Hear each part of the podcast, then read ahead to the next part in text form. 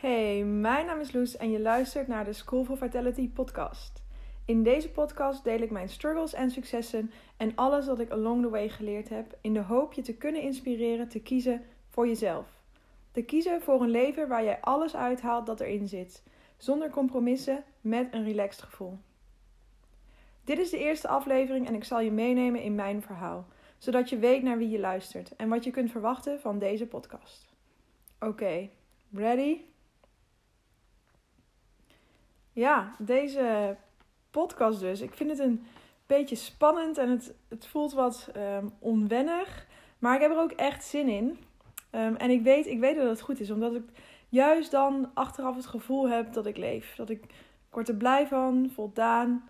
Ja, zoals dat, zoals dat eigenlijk werkt. En met dingen doen buiten je comfortzone. Eerst is het spannend en onwennig. Want ja, niet comfortabel. Maar um, ja, een alive en kicking gevoel achteraf. En Laat dat nou net het doel van het leven zijn. Leven. Dus ja, zodoende. De podcast, of nou ja, uh, zodoende. Er ging natuurlijk wel wat meer aan vooraf.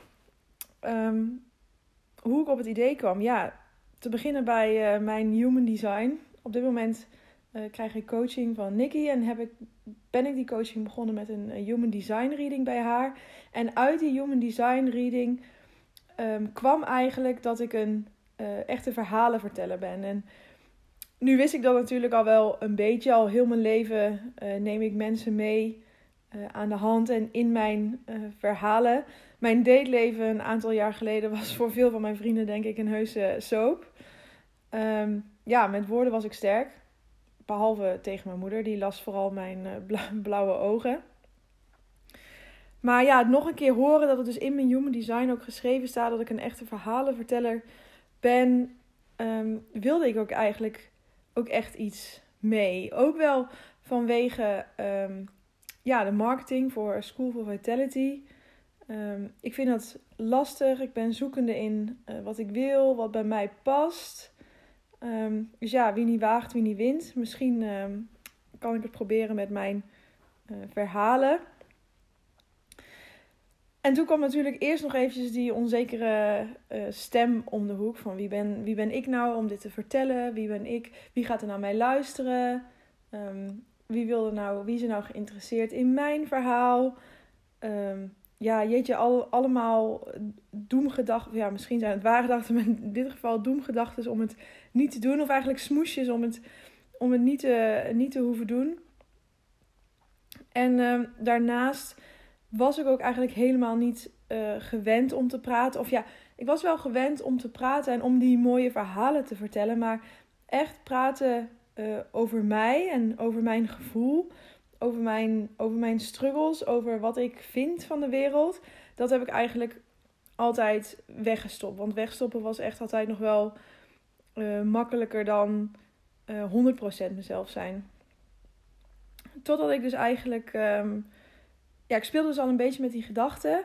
En die gedachten die gingen eigenlijk allemaal weg op het moment dat ik werd uitgenodigd door een podcast bij Noortje in haar show. Um, zij maakte hun droom waar. En um, ja, ik werd dus door haar geïnterviewd over mijn, uh, mijn droom. Maar daar gaan jullie deze podcast dus meer over horen. Um, en al tijdens dat interview dacht ik, oh, dit is zo leuk. En achteraf zei ik eigenlijk meteen tegen haar van, goh, misschien moet ik, misschien moet ik dat ook doen. Ik moet gewoon een podcast beginnen. Lijkt me echt, ja, ik weet niet, lijkt me echt leuk. En ook vooral uh, dat in gesprek zijn. Dus ik, ik hoop ook echt, of ik ga zeker weten, nog ook mensen uitnodigen voor deze podcast. Want dat, ja, lijkt me, dat, ja, lijkt me gewoon leuk. Um, en eigenlijk toen ik dat heb uitgesproken tegen Noortje in die podcast, heb ik dat ook meteen tegen mijn coach verteld. Als een soort van stok achter de deur. Um, dus ja, afgelo afgelopen weken heb ik regelmatig een WhatsAppje van haar um, ontvangen. Maar ja, hier, uh, hier is hij dus. De eerste, de eerste podcast.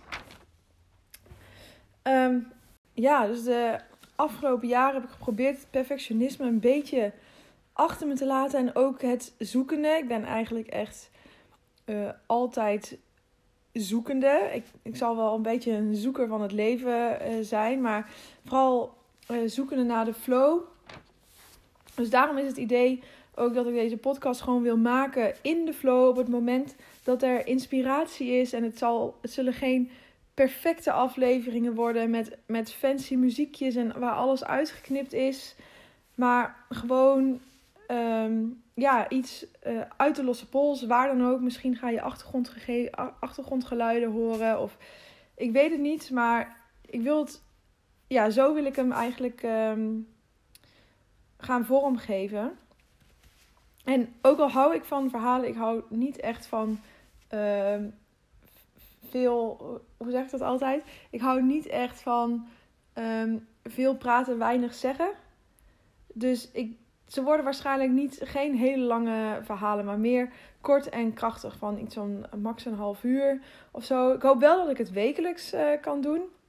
Uh, ik wil er, ook, wil er ook beter in worden en ik ben er nu ook wel echt klaar voor. Dus uh, ja, hier is hij, mijn eerste podcast met mijn verhaal. Um, want ja, zodat je dus weet eh, naar wie je dus een beetje luistert. Ik ben Loes, ik ben 30 jaar. Ik ben opgegroeid in een klein dorpje in de Achterhoek. Maar woon op dit moment samen met Rol in uh, Australië. In echt een villa. Niet langer uh, in de stad Melbourne, maar net een uur um, naar beneden. Een beetje aan het begin van de Great Ocean Road, vlakbij bij de surfstranden en de surfdorpjes. Uh, we hebben vier slaapkamers, twee woonkamers. Ja, het is echt, het is echt een villa, het is echt massive. Um, alleen al geloof ik, als ik stel, ik ga een hele dag niet wandelen, dan kom ik al zo aan de 3.000, 4.000 stappen alleen al door het rondlopen uh, in huis. En dat is wel wat anders dan um, de 500 die ik zette in mijn... Uh, in ons kleine appartement in het centrum van Melbourne. Maar goed, en het heeft dus echt een tuin. Mijn kantoor kijkt uit op de tuin. Ik zit nu ook de hele tijd uh, naar de tuin te kijken. Ik vind het echt heerlijk. Wel, een beetje, wel een beetje huismussig. Ik weet nog niet zo heel goed uh, wat ik daarvan vind. Ik ben ook altijd een beetje allergisch geweest voor het woord settelen. Maar ja, misschien kan ik daar beter een andere podcast over, uh, over opnemen. Want ik heb daar wel een beetje zo wat onderzoek bij mezelf uh, naar gedaan. Maar goed, ik uh, ben opgegroeid in de achterhoek dus. In een ogenschijnlijk normaal gezin. De buren wisten waarschijnlijk wel beter. Um, maar ja, ik niet. Want als kind ehm, dan neem je dat gewoon aan voor normaal.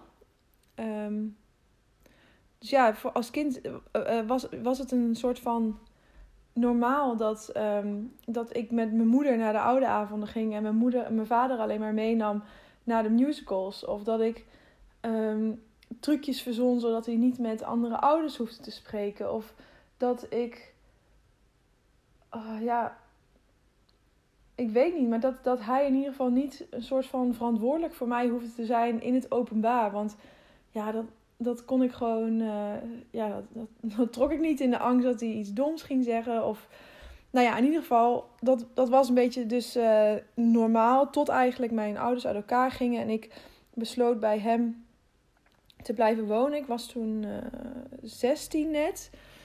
Um, en ik, um, ja, ook dat was eigenlijk toen normaal. En ik dus eigenlijk voor, voor ons alle drie zorgde. Dus voor mijn vader, mijn zusje en voor mezelf. Dus ik uh, deed de was, kookte, paste op mijn zusje, um, maakte het huis schoon, verschoonde onze bedden, waste de kleren. Nou ja, eigenlijk um, deed ik alles. Tot ik op een gegeven moment natuurlijk dacht van ja, hey, um, ik heb ook een leven en ik had een vriendje en ik wilde daar gewoon uh, mee weg kunnen. Plus mijn vader had het een beetje in zijn hoofd gehaald dat hij weer een vriendin wilde. Wat dus betekende dat hij naast dat hij elke dag werkte van, van zes tot zes ook um, tot diep in de nacht nog met, een, met iemand zat te bellen. Ja, dus, dus hij werd er ook zeker niet, um, niet gezelliger op. En, en ik daar dus op een gegeven moment iets van ging zeggen. Want ja, ik wilde gewoon ook, ik wilde gewoon ook weer een leven. In ieder geval een leven voor een, voor een 17-jarige. En um, ja, dat is, dat is wel de keren dat ik er iets van zei, liep niet heel erg goed af. En eigenlijk de vierde of de vijfde keer denk ik dat ik er iets van zei, was op het moment dat ik net uh, een week in Tilburg woonde. En ik kwam dat uh, eerste of tweede weekend of zo kwam ik weer naar huis. En ik was met mijn toenmalige vriendje naar de sauna geweest. En ehm, we kwamen dus thuis. En ehm, die avond. En ja, hij zat dus weer een soort van te bellen uh, op de bank. Nou ja, is ook oké. Ik zei: Hey, uh, we zijn terug van de sauna. Was leuk. Ik ga naar boven. Wij gaan slapen tot morgen.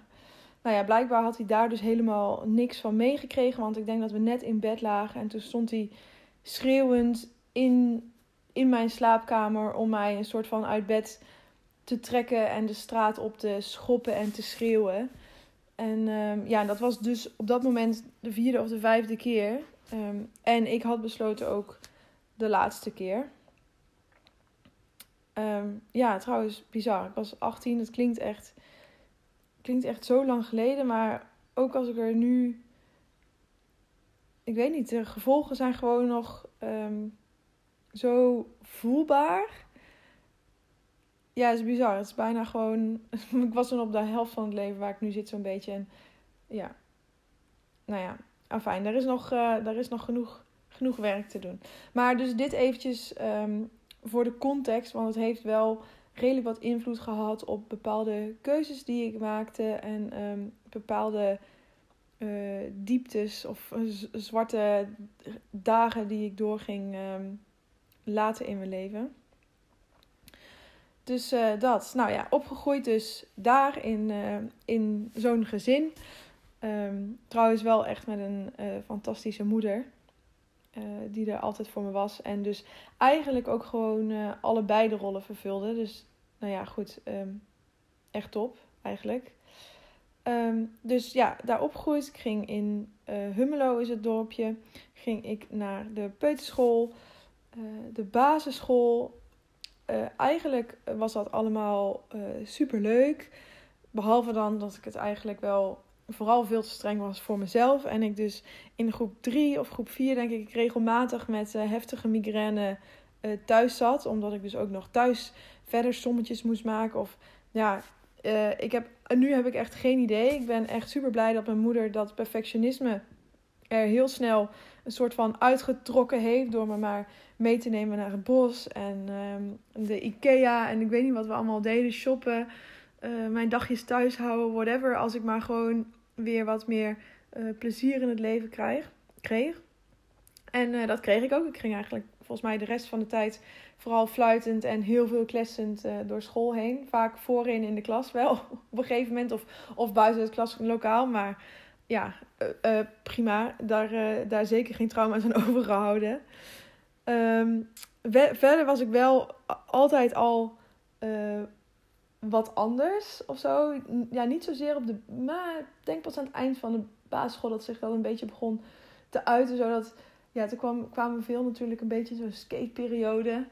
Um, ja, en A, ik had het geld niet om daar vol in mee te gaan. Want die skatebroeken die waren echt best wel duur. Maar B, dan dacht ik, ja, dan zie ik er ook precies zo uit uh, als de rest. Dus ik kocht bij de Scapino van die uh, lichtblauwe ja, jungle schoenen. Van die, van, die, van die linnenachtige schoenen met van die hele dikke zolen. Ik weet niet of jullie dan met dat grote profiel, ik weet niet of jullie dan weten wat, je, wat ik bedoel. Maar in ieder geval lichtblauwe. En daar deed ik dan van die oranje skate veters in super vet natuurlijk. Zo vet dat ik er dus ook moest die per se aan uh, naar de um, kennismakingsdag op, op de middelbare school. Um, ja, best wel grappig eigenlijk. Maar in ieder geval, dus na de middelbare school, uh, VWO gedaan. Ja, fluitend. Um, niet, niet specifiek hele uh, diepe vriendschappen um, gebouwd of zo. Want ik zie daar nu helemaal niemand meer van. Maar was wel gewoon leuke tijd. En toen uh, van het VWO naar de universiteit. Het liefst zo ver mogelijk van huis. En in ieder geval niet naar een stad waar iedereen heen ging. Uh, want ja, dat moest natuurlijk een beetje anders. Um, ja, het was ook niet echt heel leuk om rondom huis te blijven. Dus ik moest wel op kamers kunnen. Um, dus me een beetje verdiepen in de studies um, werd het Tilburg uiteindelijk, wat nog wel bereisbaar was. Maar ik wilde ook organisatiewetenschappen studeren. En dat was eigenlijk alleen maar in Tilburg. Dus dat kwam allemaal um, super goed uit. Nou ja, zoals ik vertelde, dus het eerste weekend dat ik vanaf daar weer terug naar huis ging, ehm, werd ik er daar eigenlijk uitgezet. Ehm, en dat loste ik eigenlijk gewoon op door vol in dat uh, leven te duiken in Tilburg, in mijn nieuwe leven daar zo. Ook wel, of nou ja, vol. Het eerste jaar was ook wel um, pittig. Soms, ik woonde niet in een heel leuk studentenhuis of zo. Dus het waren ook wel soms uh, lange, eenzame avonden met een zak chips op schoot en uh, televisie voor mijn neus. Maar dat kwam denk ik aan het eind van het eerste jaar allemaal behoorlijk goed. Toen wist, wist ik steeds beter mijn weg te vinden en kreeg steeds meer vrienden daar. Dus ik dook er vol in. Um, ging in mijn derde jaar een bestuursjaar doen.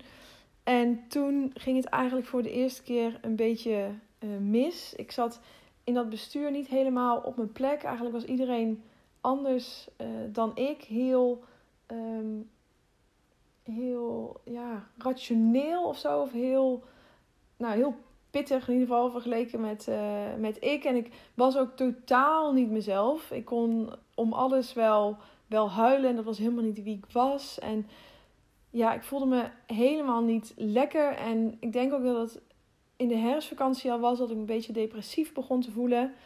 En um, dat ik ook terug naar huis ging en mijn moeder zei: Ja, ik voel me, ik voel me echt niet goed. En mijn moeder zat op dat moment zelf ook in een burn-out. Dus dat was niet, niet heel handig. Ze kon mij ook niet heel goed helpen. Uh, maar ze zei wel: Ja, ik voel dat je je echt niet goed voelt. Ik denk dat je, je moet daar echt iets mee.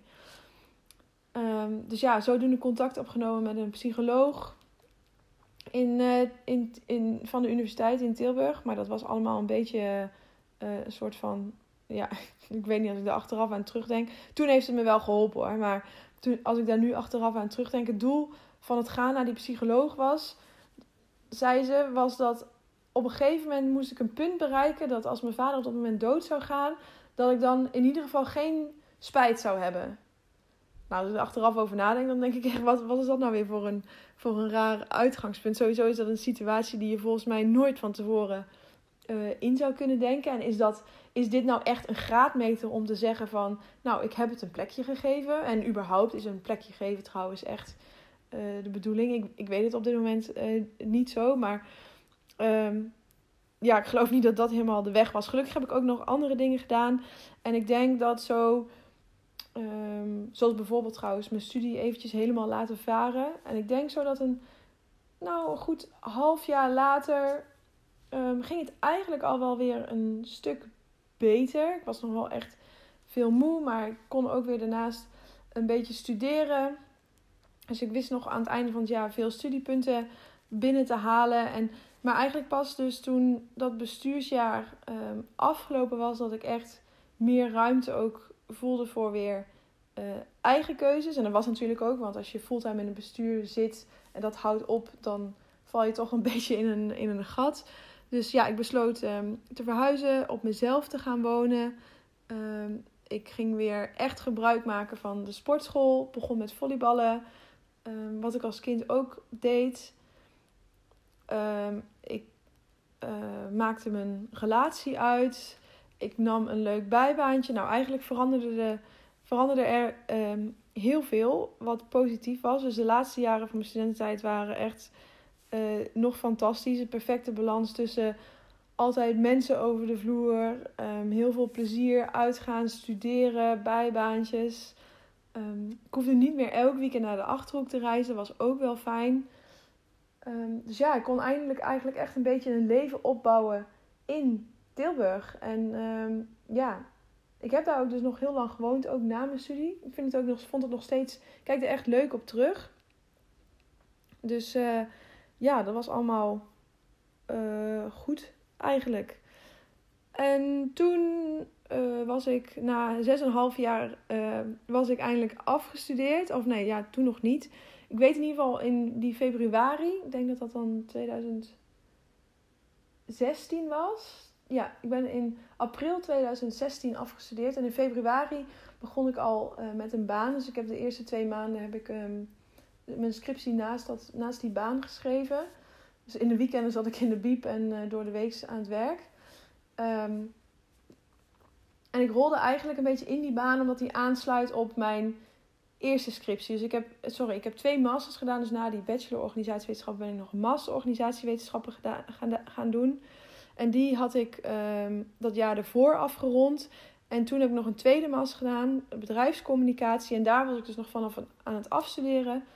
Um, en toen uh, kreeg ik dus die baan.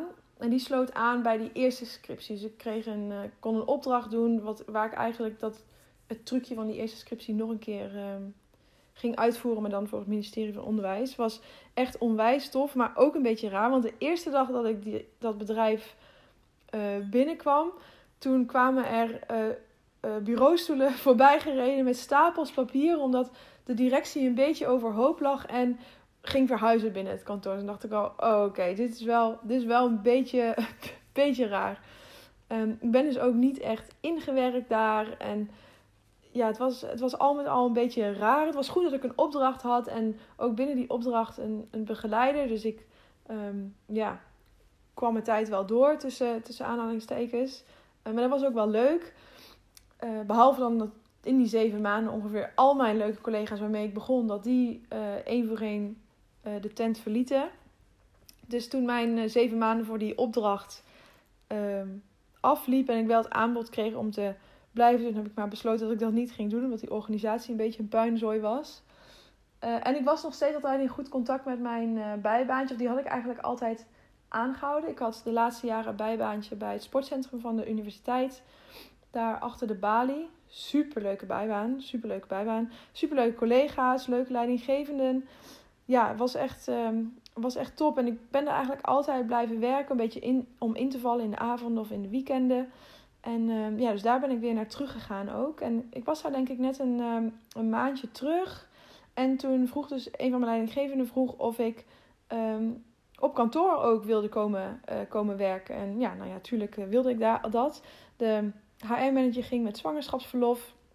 Dus ik had haar vervangen. En daarnaast waren er ook wat andere projecten die uh, opgepakt moesten worden. Dus, dus daar werkte ik. En ik had afgesproken dat januari dat dat het einde moest zijn voor, um, voor dat project. Ook omdat die HR-manager dan weer terugkwam van zwangerschapsverlof. Dus, uh, dus dat was het. Um, en toen dacht ik, nou, dan is, dit, dan is dit het moment om te gaan reizen.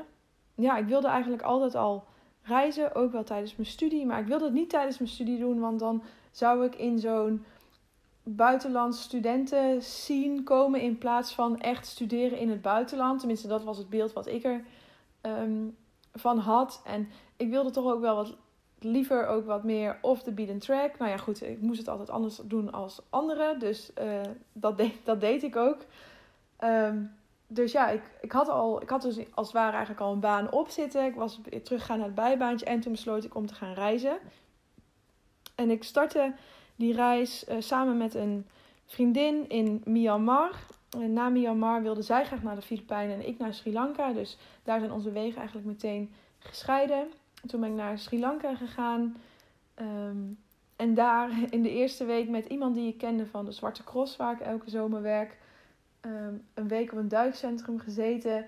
En ik was denk ik, we waren daar één nacht weg. En we zaten in een hostel omdat hij die volgende dag, uh, die gast van de Zwarte Cross die ik had leren kennen, um, weer terug naar huis vloog zaten we ergens anders. En diezelfde avond nog kreeg ik een uh, WhatsAppje van mijn oude duikinstructeur. En die zei: Oh ja, ik dacht uh, dat dat je vriendje was, maar dat is dus niet. Ja, en vanaf dat moment was het eigenlijk um, redelijk aan. Hebben we non-stop contact gehouden. Waardoor ik eigenlijk ook besloot om mijn laatste week in Sri Lanka weer naar het duikcentrum terug te gaan. En daar mijn advanced duik ook meteen te halen. Um, en in het geheim de hele tijd met hem te daten. Uh, toen was het visum om, ben ik naar uh, Nepal gegaan. Ik denk dat ik drie of vier dagen in Nepal was. Dat hij zei, zo, dat hij zei ja, ik ga uh, naar de Malediven. Misschien wil je daar ook de laatste week komen. Ik zo, ja, ik was ongeveer drie dagen dus in Nepal. Ik meteen een ticket geboekt om dus van Nepal naar de Malediven te gaan. Hoe goed kende ik die gast nou? Maar ik dacht, nou ja, pff, zal wel goed komen. Ik bedoel, ik kan zelfstandig reizen, dus wat kan er nou helemaal gebeuren? Dus na Nepal naar de Malediven voor een uh, onwijze honeymoon, eigenlijk daar met hem. Daarna met hem terug naar Sri Lanka gegaan, waar hij naar huis ging en ik ehm, meer in het noorden van het land bleef om vrijwilligerswerk te doen. Ehm, en eindigde in het oosten, waar hij ook nog drie of vier dagen naartoe is gekomen. En we hadden dus eigenlijk bedacht, in, op de Malediven um, had hij iemand leren kennen die hem wilde als duikinstructeur voor zijn nieuwe uh, guesthouse slash duikschool. En hij zocht ook nog iemand om dat um, te managen, die, die guesthouse en duikschool. Um, dus ja, dus daar hadden we een paar keer over gebeld met hem. En dat was eigenlijk het idee van, nou, we zien elkaar op een gegeven moment weer terug op de Malediven om samen die duikschool te, te runnen. Um, dus ik Sri Lanka uit, toen naar Indonesië, laatste, voor de laatste drie weken. Um, ja, en toen naar, naar huis. Uh, toen was het denk ik midden juni 2017 dan inmiddels. Um, en ik was terug in het sportcentrum en toen kwam ik Rol tegen. en toen dacht ik, nou uh, ja, uh, super knap. Ik had, was sowieso al een paar jaar met Gym Crush. Um, super knap. Dus uh, ja, daar kan ik hier in Nederland wel eventjes in ieder geval een hele leuke tijd mee hebben. En dan zien we dan wel weer verder. Maar dat pakte dus allemaal wat anders uit. Um, bleek toch wel iets leuker te zijn met Rol dan ik had gedacht. En van de Malediven hoorde ik eigenlijk ook niet echt meer iets. En ik wilde ook wel even in Nederland blijven. Maar als je in Nederland wil blijven, ja, ik wist het eigenlijk allemaal niet zo goed meer. Maar op een gegeven moment liep ik zo. Uh, had ik op de festivals gewerkt in de zomer en liep ik zo tegen het einde van mijn financiële buffer aan. Toen dacht ik, oké, okay, nu moet ik een keuze maken. En toen heb ik dus gekozen om in Nederland te blijven, um, voor rol te gaan. En, um, ja, en dus een baan te vinden. Want um, als je in Nederland zelfstandig wil blijven wonen en leven, uh, zul je je geld moeten verdienen. Dus toen ben ik gaan solliciteren bij traineeships. Want ik dacht, nou ja, uh, kan nooit kwaad om ook nog wat bij te, bij te leren naast het um, werken. En ja, die niet-begeleiding die ik had in mijn eerste baan, dat stond me toch ook wel een beetje tegen. Ik wilde toch wel, ik miste toch wel echt een beetje die begeleiding. dus een traineeship. Waar er pas na twee maanden eigenlijk uiteindelijk een uh, opdracht voor mij kwam. En dus ik moest voor die opdracht, was bij, uh, bij Center Parks, twee keer op sollicitatiegesprek um, geweest. Omdat ik de tweede keer zo, zogenaamd iets rechts moest, recht, recht moest zetten van de eerste keer. Enfin, toch uiteindelijk dus um, daar aangenomen. Maar eigenlijk gingen in dat weekend, voordat ik moest beginnen, alle alarmbellen af. Ik zo, ja, ik dacht, moet ik dit nu doen? Het voelt niet goed en dit is niet goed en dit is niet fijn. Maar dat zei ik toen natuurlijk allemaal niet tegen mezelf. Toen zei ik allemaal tegen mezelf van, ja, maar dit is een super goede kans en ik moet dit doen. En uh, ik kan zoveel van die man leren en dit is het helemaal. En iedereen om mij heen vond dat eigenlijk ook. Vooral dus natuurlijk mijn bazen bij dat traineeship. Dus ik heb me toch een soort van um, om laten praten en ben daar begonnen. Um, de derde week was ik een hele week ziek um, en lag ik uh, op bed thuis. Dus dat was, was misschien nog wel een soort van tweede teken. Maar ja, daarna ben ik er toch uh, vol voor gegaan. ja, ik vond er eigenlijk... De ene helft was best leuk. Ik was projectmanager. Ik leerde allemaal nieuwe mensen kennen. Ik mocht nieuwe dingen verzinnen. Niet dat er iets met die nieuwe dingen gebeurde, maar dat was allemaal leuk. Mijn directe collega was leuk. Ik kreeg stagiaires. Uh, maar de andere helft van de tijd was ik dus assistent. En nou, dat paste helemaal niet bij mij. Um, en ook de man waarvan ik die assistent was, die paste ook helemaal niet bij mij. Dus dat was eigenlijk, ja, was eigenlijk gewoon uh, helemaal niks. Tot de laatste twee maanden. Twee maanden lang een heel groot evenement waarvoor ik heel Europa door moest reizen. Naar alle centerparks, parken, ja, wat dat was super leuk. Waardoor ik eigenlijk toch een beetje ging twijfelen. Want ik mocht wel blijven. Bizar genoeg. Um, maar ik had dus vooral om praktische redenen nee gezegd. Want dan moest ik een auto kopen. En ja, ondertussen wisten Roel en ik al wel een beetje dat we um, binnenkort een keer weg zouden gaan. Dus ik dacht, ja, nee, dat is allemaal niet handig en dat wil ik eigenlijk niet. En ja, toen was het evenement toch heel leuk. Maar ik had gelukkig al nee gezegd. Want toen was het evenement afgelopen, de kerstvakantie was geweest. We zitten inmiddels in dus um, 2019 zitten we. De kerstvakantie was geweest van 2018 op 2019. En ehm, ja, ik was gewoon helemaal op. Ik was helemaal op. Ik kon niks meer. Ik kon niet nadenken wat ik wel wilde. Ik kon niet denken wat ik niet wilde. Ik wist niet wat ik moest doen. Eigenlijk. En vooral wist ik het niet, omdat ik gewoon niet meer bij mijn gevoel kon komen. Heel mijn leven heb ik feilloos mijn gevoel gevolgd en het kwam altijd goed. Ik deed gewoon uh, wat ik wilde en ja, keuzes kun je altijd herzien. Dus het was allemaal echt geen probleem. Maar op dit moment, ik was helemaal van mezelf verwijderd en ik wist het gewoon niet meer. Um, wel dacht ik van, nou, ik ga gewoon door solliciteren. Er komt vast iets op mijn pad wat ik echt leuk vind. En uh, ja, ook al is het maar uh, voor een half jaar. Dat, dat, dat wordt vast leuk. En uh, ja, dan weet ik ook, als we dan weggaan, weet ik ook beter wat ik dan wel wil. Maar goed, dat solliciteren ging natuurlijk ook eigenlijk helemaal voor geen ene meter. Want ergens in mij wist ik dat ik daar helemaal niet klaar voor was. En dat dat helemaal niks ging worden. Dus op een gegeven moment ging ik ook naar de dokter. En ik zei, ja, ik kan, ik kan gewoon niet meer voelen. Ik weet gewoon niet wat ik wil, want ik voel gewoon helemaal niks.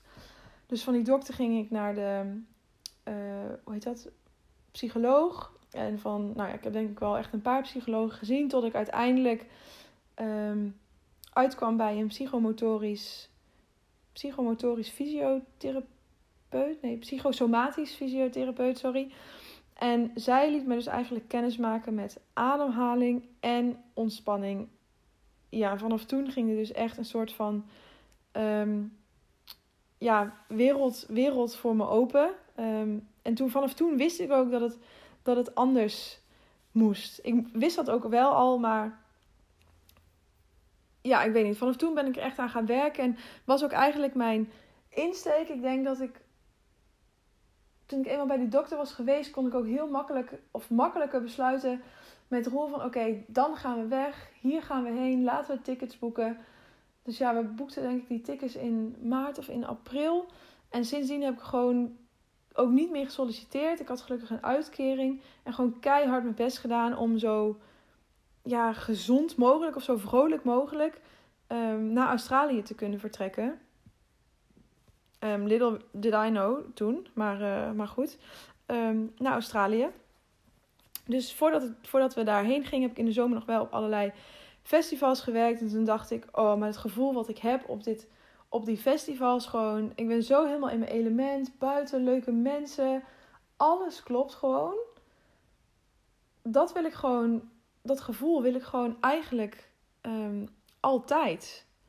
Dus, um, dus ja, dus dat was een gevoel wat ik wel echt wilde vasthouden en mee wilde nemen eigenlijk naar um, Australië. Dus ja, dat wist ik in ieder geval. Dus dat, dat, dat was fijn. Um, die festivals waren afgelopen. Nog drie weken denk ik afscheid genomen uh, van iedereen. En toen vertrokken. Eerst twee maanden door Indonesië gereisd met Rol. Wat in het begin echt niet chill was. Want we waren allebei natuurlijk gestrest van de verandering. En nog van werk. En van afscheid nemen en zo. Um, maar langzaam maar zeker kwamen we dan toch in de vakantiemodus en was echt een fantastische reis. En toen kwamen we 16 oktober hier in Australië aan. Um, ja, en Roel had al een baan geregeld eigenlijk, dus die begon al vrij snel te werken. En toen ben ik ook gaan zoeken naar een baan, maar dat lukte echt uh, voor geen meter. Ik wilde namelijk heel graag iets doen um, in of met vitaliteit. Alleen vitaliteit staat hier in Australië nog zo in de kinderschoenen dat, dat ze iemand zoeken die zeg maar al tien jaar ervaring heeft, of in HR of in de zorg. Ja, dat was ik simpelweg niet. Dus, uh, dus dat ging eigenlijk niet gebeuren. Nog heel lang geprobeerd allerlei andere bijbaantjes te regelen, maar ons visum was ook nog niet rond. Dus een serieuze baan was gewoon ook echt heel, um, heel lastig. Dus toen dacht ik, oké, nou dan is dit het moment. Ik wilde dit eigenlijk al van jongs af aan, of ik wist van jongs af aan al, ik word ondernemer. Want ja, Ehm, werken was niet, uh, was niet echt mijn, mijn ding of vond ik niet echt leuk. Of ik heb hele slechte ervaringen, ik weet het niet. Uh, maar ik wilde het ook altijd anders doen en op mijn manier. Dus, dus uh, ja, ik moest voor mezelf beginnen. En School for Vitality werd eigenlijk geboren. Ik heb al mijn, mijn kennis die ik um, in, dat, in, in de afgelopen jaren eigenlijk aan persoonlijke ontwikkeling en die zoektocht terug naar mezelf en weer fit en vitaal worden um, gebundeld in, in een bedrijf. En uh, daarvoor lanceer ik binnenkort ook de eerste training om jullie ook te helpen om weer relaxed door het leven te gaan. In plaats van vast te zitten in die red race en niet te weten hoe je eruit moet komen. Wel weet dat het niet is hoe je je hele leven wil leven. Uh, maar dat het echt allemaal wel iets relaxter mag. Dat je niet meer die compromissen wil maken, maar gewoon een chill gevoel wil hebben. Ja, daar maak ik dus een training. Ben ik dus, of ben ik een training voor aan het maken. Die wordt binnenkort gelanceerd. Dus hou vooral de socials um, in, de in de gaten. Um, verder werk ik daar, daarnaast ook nog als freelancer bij het Vitaliteitsnetwerk in Nederland. Erg leuk. Um, team van drie, misschien binnenkort vier. dus dan heb ik ook nog een beetje collega's. Ja, en verder, ja, dat is eigenlijk uh, waar, waar we nu zijn. Hoe deze podcast tot stand komt, heb ik verteld. Um, ja, en uh, in de toekomst zien we wel. We hebben heel erg de wens om uh, van Australië wel onze basis te maken. Het is gewoon echt wel het land en de leefstijl um, dat wij graag willen. Ja, en hopelijk als dan ooit alle grenzen zo weer open, open gaan. Het voelt misschien het eind van de wereld, maar dat is het natuurlijk niet. En dan kun, kan, kunnen we ook weer een paar maanden per jaar. Ik werk nu volledig online, dus kunnen we ook weer een paar maanden per jaar um, ergens anders zijn. Dus ja, ja, echt letterlijk, we zien het wel. Want ja, keuzes zijn natuurlijk ook niet forever. Hè? Je moet een beetje um, experimenteren in het leven. En gewoon het gevoel zoeken dat je, dat je leeft. En um, keuzes kunnen, kun je altijd uh, op terugkomen. Ik heb soms wel een beetje het gevoel dat keuzes um, een soort van forever moeten zijn. Als je iets hebt besloten, mag je nooit meer iets anders besluiten. En als je ergens iets van vindt, mag je ook nooit meer iets anders vinden. Maar ja, zo werkt het natuurlijk helemaal niet. Je kunt altijd op die keuzes terugkomen en de rest vergaat niet. Dus, uh, dus ja, echt, we, we, zien het wel. Er is, er is een droom, er is een wens, daar wordt heel hard aan gewerkt en gedacht. Um, maar als dat niet gaat gebeuren, is dat ook oké. En maken we wel weer andere uh, keuzes. Ik ben in ieder geval echt super blij.